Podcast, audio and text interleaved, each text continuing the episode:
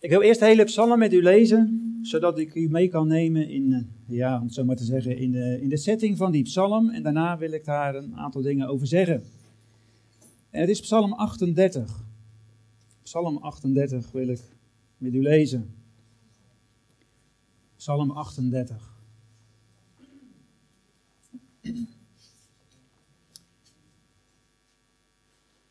U zoekt het op. De mannen van de techniek gaan even door met, met het regelen. Dus ik blijf gewoon even praten natuurlijk tot u het gevonden heeft. En totdat het gewoon goed is. Psalm 38. En daar staat in de MBG van 51 vertaling boven gebed in zware ziekte. Nou dacht ik dat dit bij uitstek een psalm was om te lezen als uh, pastorale, ja, in een pastoraal bezoek. Maar goed, daar mag u dadelijk zelf over oordelen of dat u dat ook vindt. Gebed in zware ziekte. Een psalm van David. En er staat erbij bij het gedenkoffer. Heren. En daar ziet u wellicht ook in uw vertaling gewoon die vier hoofdletters. Yahweh, die naam die niet uitgesproken wordt door de Joden. Dan zeggen ze Adonai, maar je kan het wel zien in de schrijfwijze. Heren, straf mij niet in uw toren. En kastijd mij niet in uw grimmigheid, in uw woede. Want uw pijlen zijn op mij nedergekomen. Uw hand is op mij neergedaald. Niets is meer gezond aan mijn vlees, vanwege uw gramschap. Niets is heel aan mijn gebeente, vanwege mijn zonde.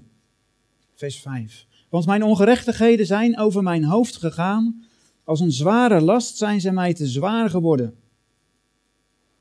Misschien denkt u van nou, dat klinkt al als een zware psalm, maar hij gaat nog verder hè. Dus niet afhaken. Vers 6. Mijn wonden stinken. Ze etteren vanwege mijn verdwaasdheid. Ik ben gebogen, zeer diep gebukt. Ik ga de ganse dag in het zwart. Want mijn lendenen zijn vol ontsteking. Niets is meer gezond aan mijn vlees.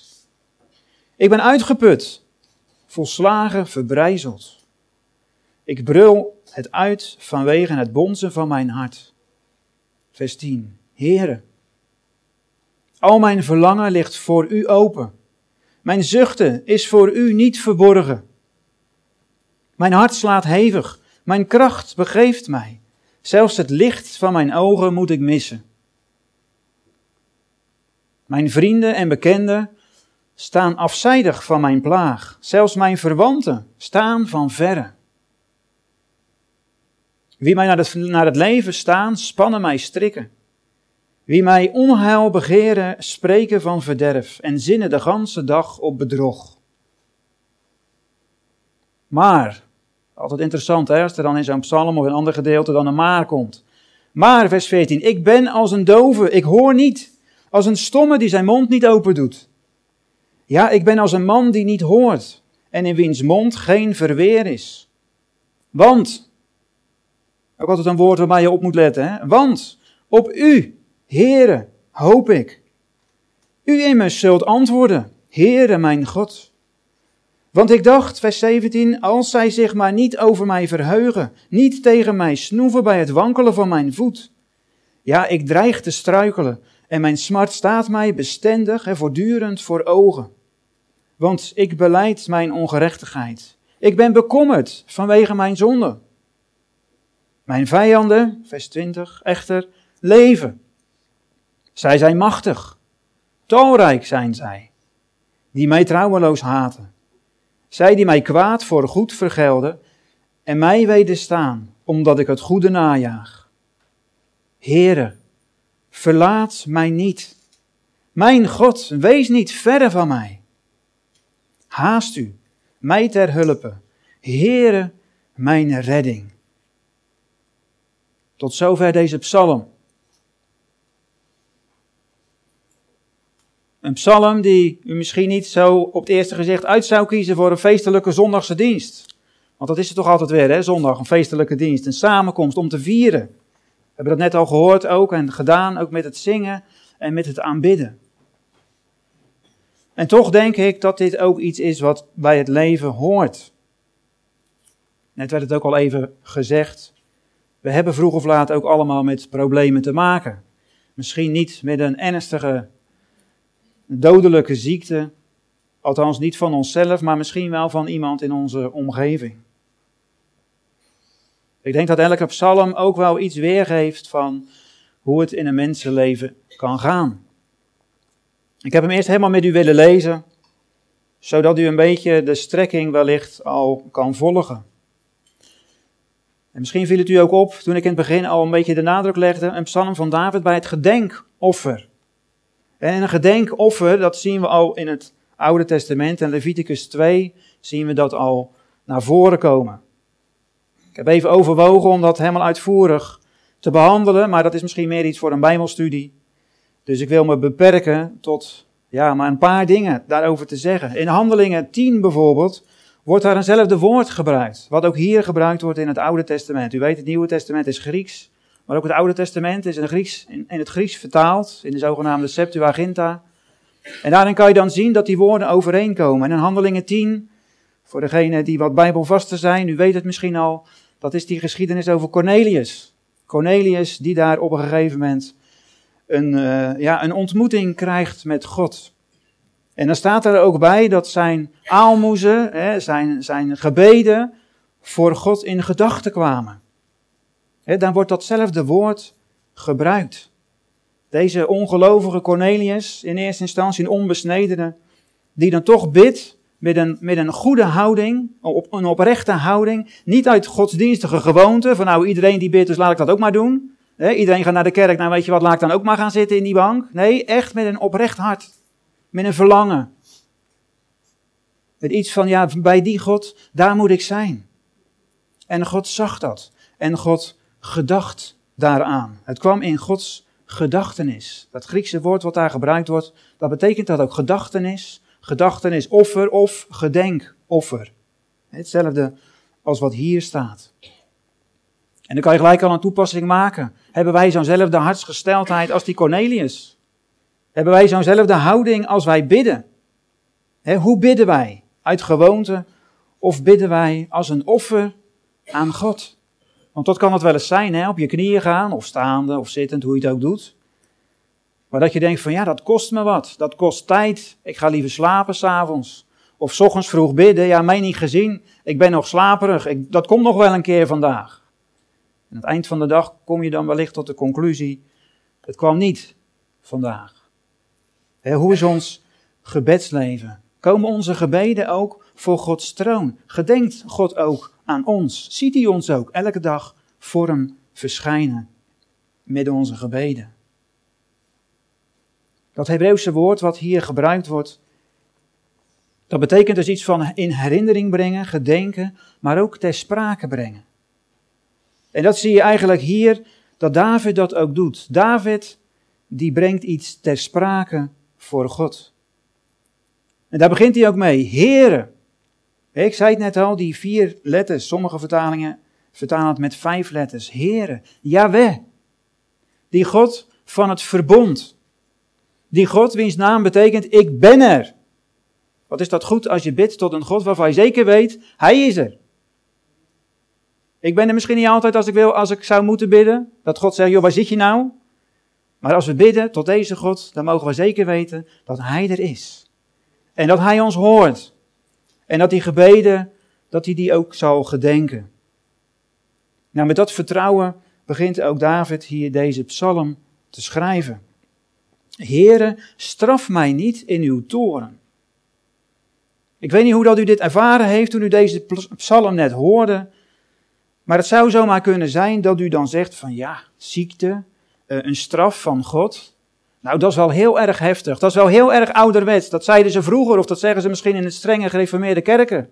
Maar wij toch niet? Wij zijn toch blij in de Heer? Wij geloven toch niet zo in straf op onze zonde? Wij geloven toch in de verlossing, in de bevrijding? Nou, het geeft toch te denken. Tenminste, het zette mij wel even aan het denken. Want hier zie je, hij doet dat onder dat offer.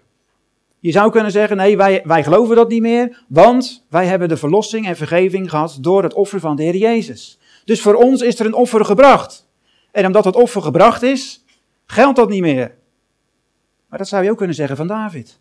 David bracht hier ook een offer. Ook toen werd er een offer gebracht als verzoening voor de zonde. En toch, nadat hij dat offer bracht, nadat hij die verzoening had gehad vanwege die zonde, gaat hij verder met deze hele psalm. En nou haast ik me gelijk erbij te zeggen dat we niet de fout moeten maken om te zeggen: Oké, jij bent ziek, nou dan zal je wel zwaar gezondigd hebben. Want dat is pastoraal nou niet het meest sterke punt wat je kan aanvoeren bij iemand die het erg moeilijk heeft.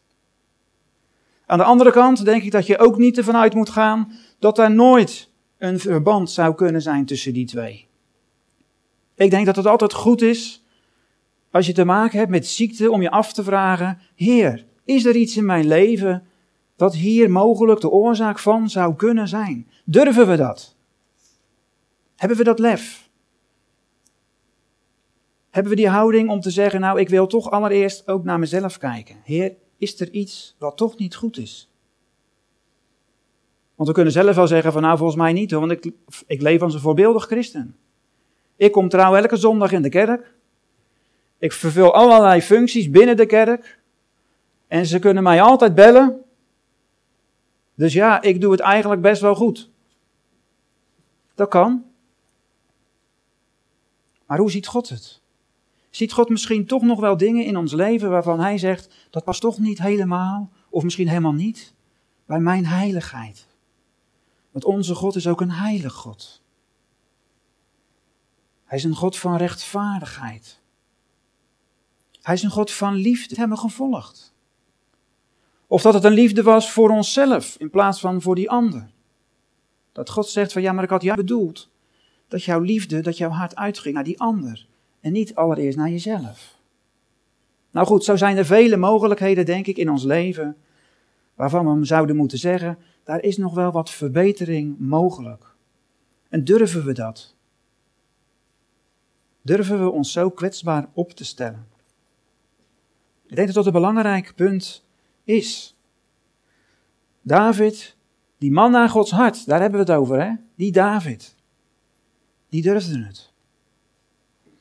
Die zegt in vers 3: Uw pijlen zijn op mij neergekomen. Uw hand is op mij neergetaald. Niets is meer gezond aan mijn vlees. Niets is heel aan mijn gebeente. Dan staat er eigenlijk letterlijk: er is geen gezondheid in dat lichaam van David. Dat zijn zijn woorden. Hij wil dat niet per se leggen op een ieder. Dat mag, want we mogen van hem leren. Maar ik denk dat, het, dat we vooral moeten opletten dat hij dat voor zichzelf zo ziet. En hij zegt dat van, ik wil mezelf zo voor God kwetsbaar opstellen en toetsen. En ik ervaar het, dat al die pijlen, al die ellende die over mij is uitgestort, ja, is vanwege mijn zonde. Want David kende zonde. De meeste van u zitten denk ik al wat langer in de kerk, in het geloof. En voor degenen die dat nog niet weten, David had onder andere was onder andere vreemd gegaan met een vrouw. Terwijl hij zelf meerdere vrouwen had. Hij was ermee naar bed gegaan. Die vrouw was zwanger geraakt. En om dat te verbloemen, haalde hij haar man, hè, van die vrouw waar hij mee vreemd ging, die diende in het leger, die haalde hij naar huis. En die zei, ga maar een nachtje slapen met je vrouw, want die vrouw was inmiddels zwanger geworden. En toen deze man dat niet wilde, kwam David zo ver om hem naar weer terug te sturen naar het leger, op een belangrijke, kwetsbare positie te zetten, waardoor hij vrijwel zeker zou sterven.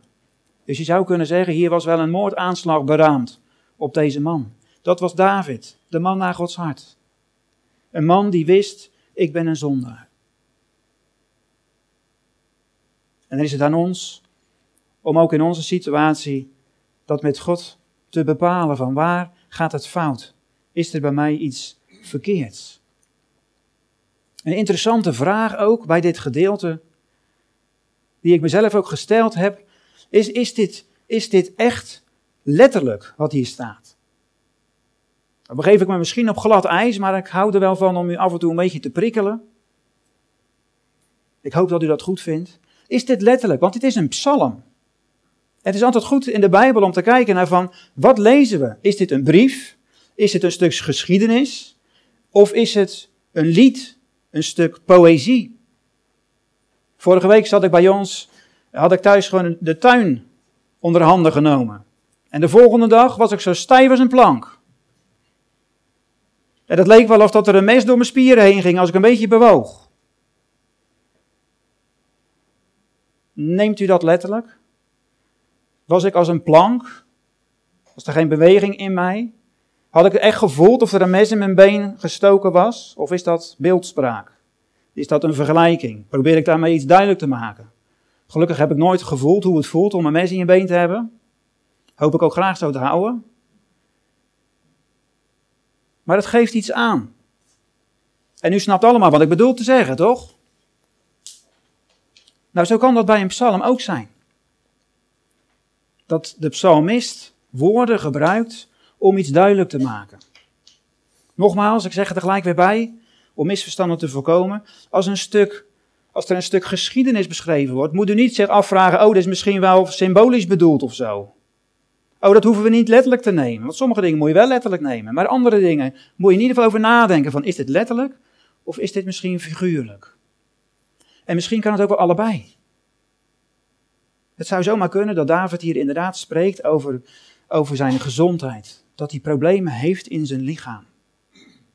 Een vraagje die dan bij mij opkwam, oké, maar hoe doe je dat dan David? Als je dan zo ziek bent, dat je dan toch bij dat gedenkoffer staat. Dat je toch dat offer daar in, in, in die tempel kan gaan brengen. Hoe heb je dat dan gedaan? Goed, het zijn dingen waar je over na mag denken, denk ik, vanuit de Bijbel. Je hoeft niet alles klakkeloos aan te nemen. Je mag je verstand gebruiken, je mag over nadenken. Hoe het is, ik denk dat het zeker, ook als het letterlijk bedoeld was, dat het zeker ook een geestelijke betekenis heeft. Dat we dit zeker ook geestelijk mogen zien want zo is dat vanuit het Oude Test ook vaak van, nou goed, wat is de letterlijke betekenis en wat is de geestelijke betekenis? Wat heb ik er vandaag aan? Wat kan ik er vandaag mee? Wat hebben mensen voor mij eraan gehad en wat heb ik er vandaag aan? Dat kan verschillen trouwens. Hè? Dat is ook goed om dat je te realiseren. Nou, David heeft in ieder geval ervaren dat hij een zondaar was. En dat hij daaronder gebukt ging dat het hem pijn deed. Dat hij daarvan baalde. Dat hij echt zoiets had van, ja, dit is eigenlijk niks, dit wil ik niet. David bedrok het in ieder geval op zichzelf. En hij zei: De dingen die mij in mijn leven overkomen, de dingen waar ik moeite mee heb, de dingen waar ik mee te strijden heb, in hoeverre komt dat door mijn zonde? En ik denk dat dat goed is, ook voor ons, om ons dat bij tijd en wijle in ieder geval af te vragen. Ik kom veel te veel houding tegen en steeds meer, ik had het daar op weg hierheen nog met mijn vrouw ook over, dat steeds meer mensen, ook in de kerk, denken, ja, wat, wat maakt het uit? Ja, die en die doen dat ook. Ja, wat geeft dat nou? Dat moet toch kunnen? En we schuiven steeds verder op. En ik weet niet hoe het u vergaat, maar als ik kijk in de maatschappij om mij heen, dan zie ik, toch, zie ik toch dat het in ons land niet per se beter gaat. Je ziet op allerlei terreinen dat het minder wordt. En ik moet u zeggen, ik hou mijn hart vast. Hoe zijn we over tien jaar? En dan heb ik het niet alleen maar over een pensioen wat een beetje gekrompen is, maar ook met een werkhouding en met de mentaliteit met de liefde onderling en noem zo maar op. Dwalen wij in ons land niet steeds verder af? Dwalen we in de kerk niet steeds verder af? Ik denk dat dat een belangrijke oproep is ook van de Heer aan ons adres. Hoe staan we erin? Wat mag ons nog aanspreken? Wat mag ons nog veroordelen? Wat mag ons nog wijzen op verkeerde dingen? Of zijn we al zo hoogmoedig geworden dat we zeggen van nou, je hoeft mij niks te vertellen, want ik zit al 50 jaar in de kerk en de Heer mag blij zijn met mij, hoe ik het doe. Dat is een beetje hoogmoedig, vindt u niet? En hoogmoed komt voor de val, zegt een bekend gezegde. Dus pas op. Wie staat, zegt ook het Nieuwe Testament, zie toe dat hij niet vallen. David beschrijft juist hier een houding van nederigheid, van een zuchten, van een, van een verbrokenheid, van een, van een kromgroeien, van een, ja, ter neergeslagen houding. Een houding van, van ootmoed, van nederigheid. David wist wat hij allemaal gedaan had. Hij wist wie die was voor God. Hij wist wie God was. Die heilige, die ontzagwekkende, die grote, machtige liefdevolle God en Vader. Die God die ook aan het eind van deze bedeling ook komt met zijn oordelen over de wereld. Omdat God het onrecht haat. En als wij onrecht doen, is dat zonde in Gods ogen. En doen we een ander mens tekort. David zegt in vers 7, ik ben gebogen, ik ben vervormd, zeer diep neergebukt. Dat is zijn houding. Ik ben uitgeput, zegt hij in vers 9. En dat is ook een woord wat ook dat ootmoed in zich heeft. Verbrijzeld, gebroken, ootmoedig, nederig van hart. Hij brult het uit, zoals het brullen of het grommen van een leeuw. Hij brult het uit omdat zijn hart het uitschreeuwt. Zijn innerlijk. Het lijkt er wel te wijzen, juist ook omdat die woorden gebruikt worden voor het innerlijk op een mentale, op een geestelijke toestand. En niet zozeer, niet in eerste instantie op zijn lichamelijke toestand. Dat is ook een les voor ons trouwens. Het kan geestelijk met ons goed gaan, of lichamelijk met ons goed gaan, of juist niet. Maar hoe is het geestelijk? Ik had gisteren nog een gesprek met een jonge man waarin dat ook naar voren kwam. We hadden het ook over een identiteit. En hij zegt, ja, mijn identiteit, dat ligt daarin en daarin en hoe ik ben en hoe ik doe en hoe ik me voel en alles. Toen heb ik hem ook gezegd, ja, dat hoort wel bij jouw identiteit. Ik heb het vergeleken met een ei. een ei wat een schil heeft aan de buitenkant. Wat dat witte, als die hard gekookt is, en anders is dat van dat smeuïge spul natuurlijk, wat daaromheen heeft. En wat in de binnenkant die eidooier heeft. Die eidooier, wat als dat eitje bevrucht is, wat dan nieuw leven voortbrengt. En ik zei hem, die identiteit, jouw identiteit, wie jij bent voor God, is eigenlijk dat, die eidooier. Is eigenlijk dat, dat dingetje wat leven kan voortbrengen. En de rest zit daar omheen. En dat, dat vormt wel iets voor je leven. Maar dat is niet het diepste van je wie je bent, van je wezen. Het is als het ware een soort omhulsel, een soort buitenkant. En met een ei zie je het ook zo mooi, dat er een schil omheen zit. Dat is de buitenkant. Niet dat die buitenkant helemaal geen waarde heeft, want als je die schil eraf haalt, zeker als dat ei niet gekookt is, dan valt heel het ei uit elkaar. Dus het heeft wel degelijk een functie. Maar het diepste innerlijke, het diepste wezen van jezelf. Van wie ben ik voor God? Dat is iets anders als wie ben ik voor mijn buurman. Wat vindt de buurman van mij? Nee, wat vindt God van mij? Wie ben ik in Gods ogen? Hoe ziet Hij mij? Hoe wil Hij mij hebben? Dat is een andere zaak. Maar daar gaat het om. Dat is ook het enige wat uiteindelijk overblijft. Als wij straks naar de Heer gaan, dan valt dat lichaam van ons, of het nou gezond en sterk is of ziek en zwak, dat valt af. Maar wat van binnen zit, ontmoet God. En dat is super kostbaar en super waardevol. En David begreep dat. Die wilde dat dat goed zat. Vandaar dat hij die houding ook had. Die nederige houding van Heer. Psalm 139 zegt dat geloof ik ook van het toets mij. Zie of er in mij een, heilo, een heilloze weg is. En leid mij op die eeuwige weg. Want daar gaat het over. Daar ben ik naar op weg. Dat is belangrijk voor God. De rest valt allemaal weg. David, die zei in vers 10, Heer. En die had het daar over zijn verlangen. Heer, al mijn verlangen ligt voor u open. Mijn zuchten is voor u niet verborgen. Hij gebruikt daar een woord, Heer. En dat is een woord wat ook gewoon Heer betekent. Hè? Heer in de zin van meester. Niet dat woord wat hij aan het begin gebruikt.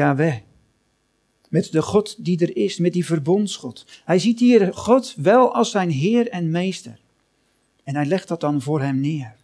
Van Heer, u mag regeren over mijn leven. U heeft het te zeggen. David weet waar hij heen moet met zijn gebrokenheid. Naar God. Weet u waar u heen moet met uw gebrokenheid? naar God. Net als David. Dat geldt voor ons allemaal.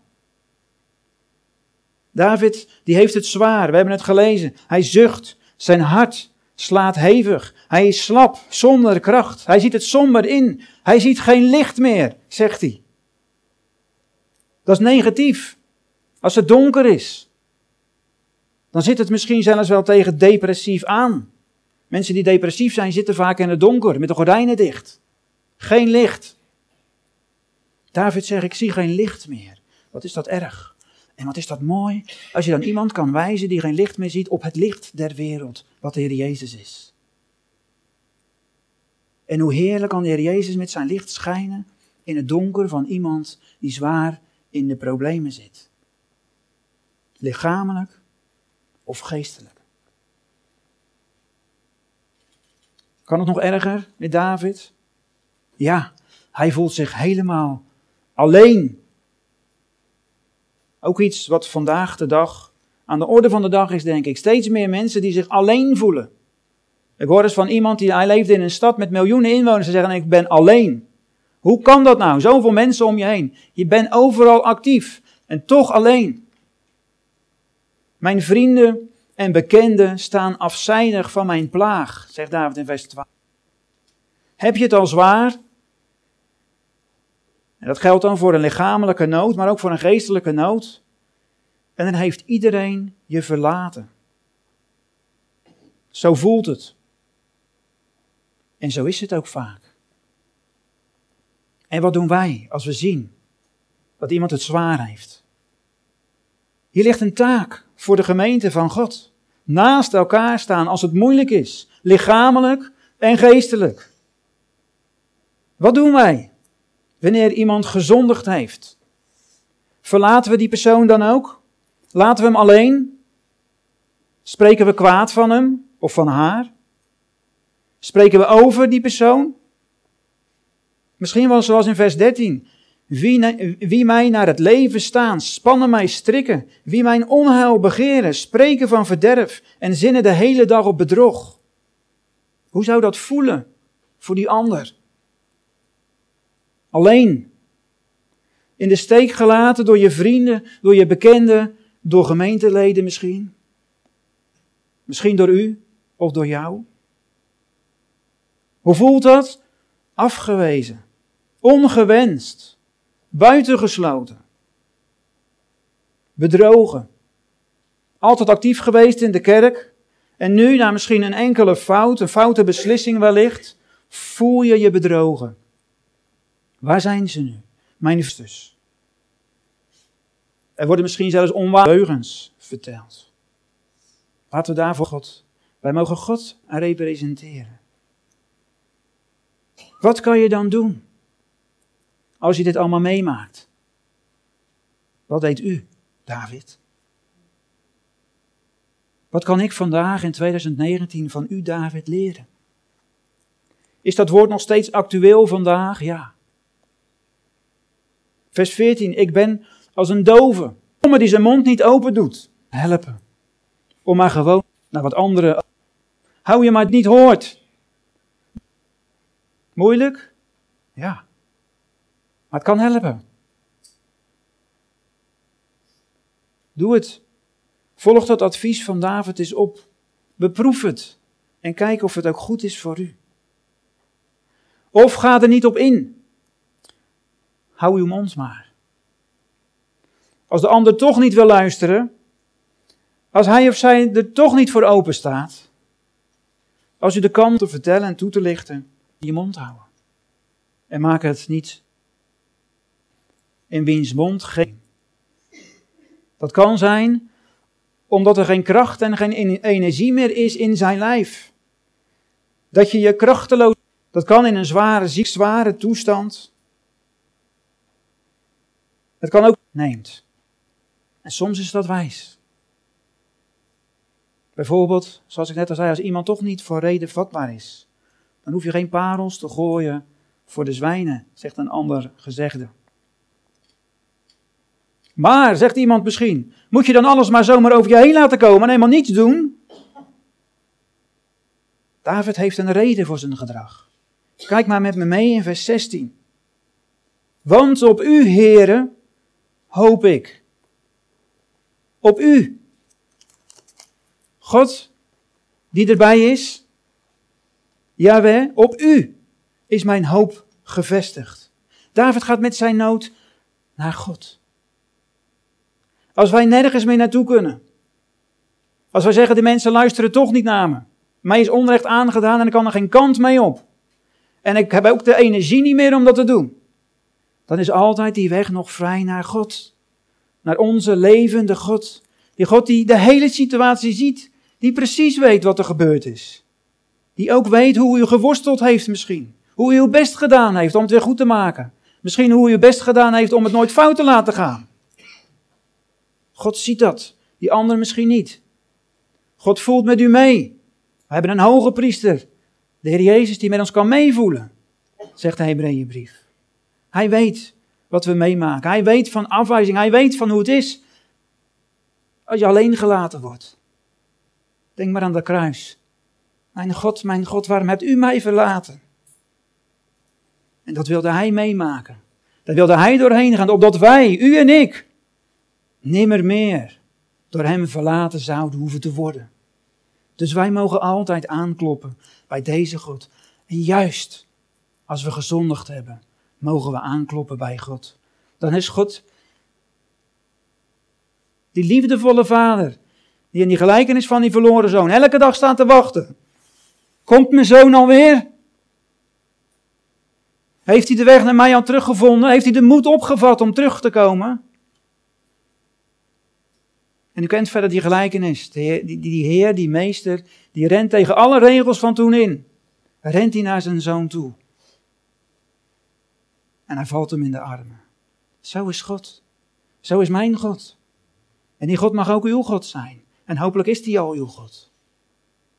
Dus al zijn we door iedereen verlaten, we zullen nooit door deze God verlaten worden. Als wij zien dat we gezondigd hebben en wij bekeren ons, wij keren terug tot Hem.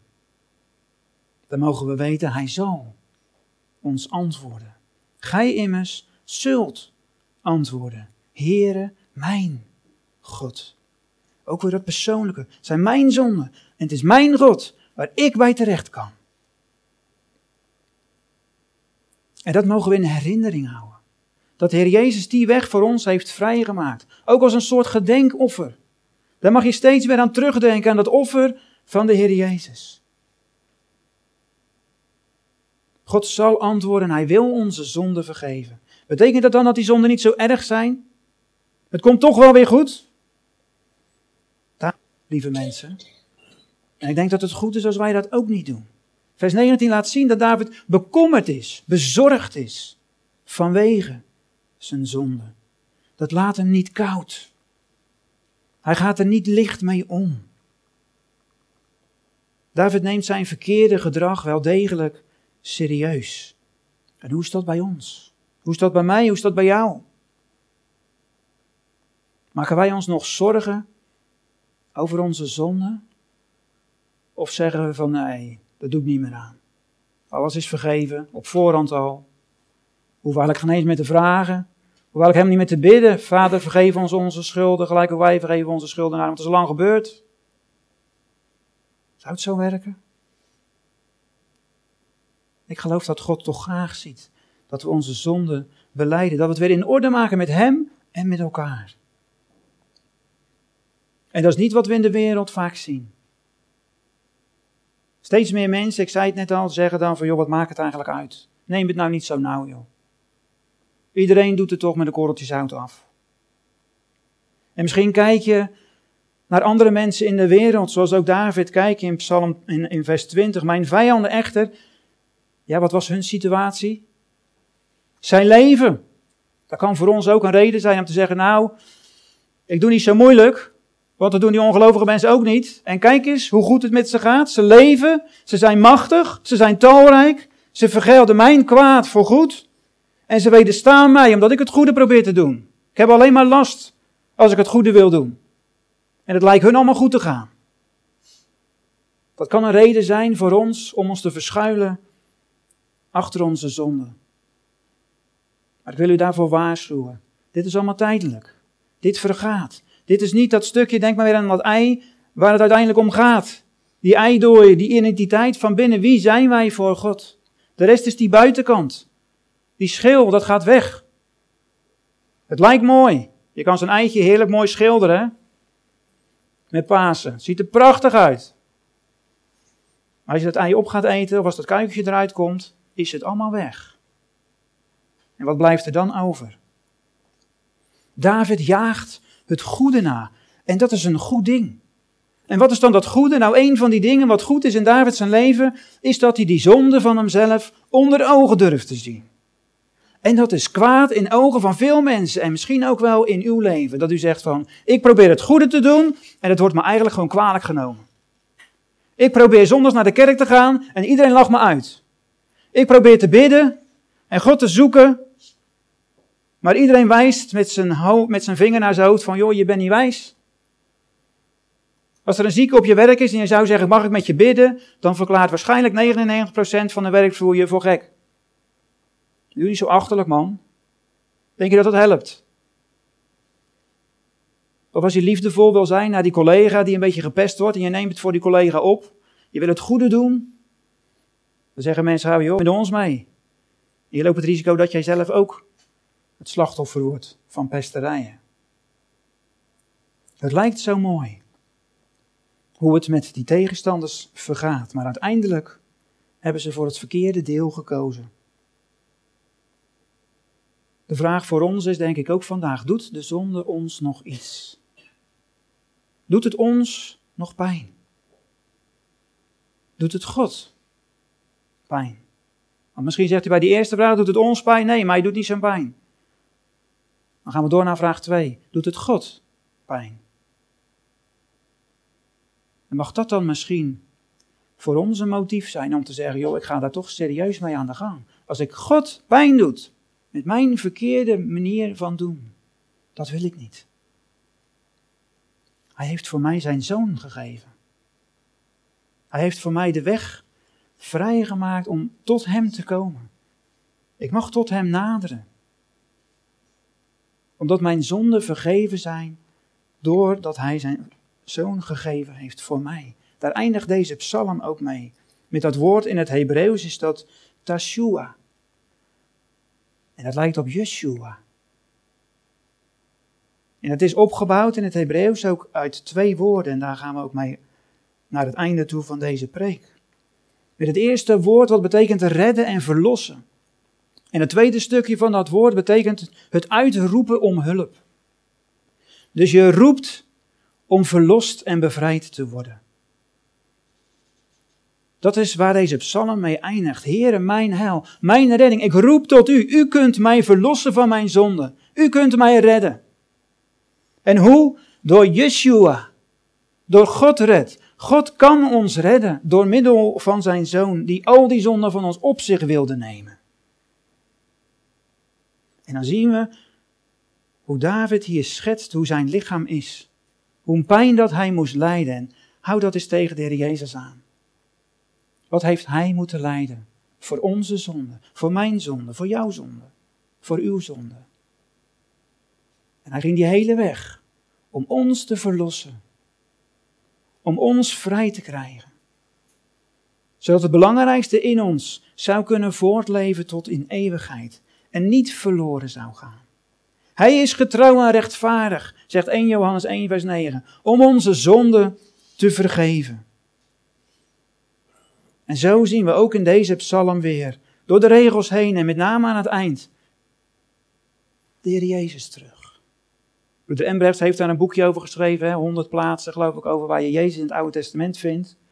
Ik weet niet of deze psalm erbij staat, maar indirect zeker wijst ook deze psalm, naar mijn idee, naar de Heer Jezus. Het gedenkoffer leidt ons naar Hem, naar Jezus, naar Yeshua, naar God red, want dat betekent die naam door zijn volbrachte werk. En daarom hoeven wij niet vast te blijven zitten, want dat is de andere kant, hè? Die fout moeten we ook niet maken. We hoeven niet vast te blijven zitten in die zonde, want er is verlossing mogelijk. Ja, we zondigen. En ja, we mogen daar best wel eens ondersteboven van zijn. En we mogen dat best wel eens kritisch op onszelf eventjes bekijken en zeggen van, joh, wat is er goed en wat is er niet goed? Maar blijf daar niet in hangen, want er is door de Heer Jezus die verlossing mogelijk. Want God redt door Jezus onze Heer. En mag dat voor ons steeds weer ons gedenkoffer zijn. Amen.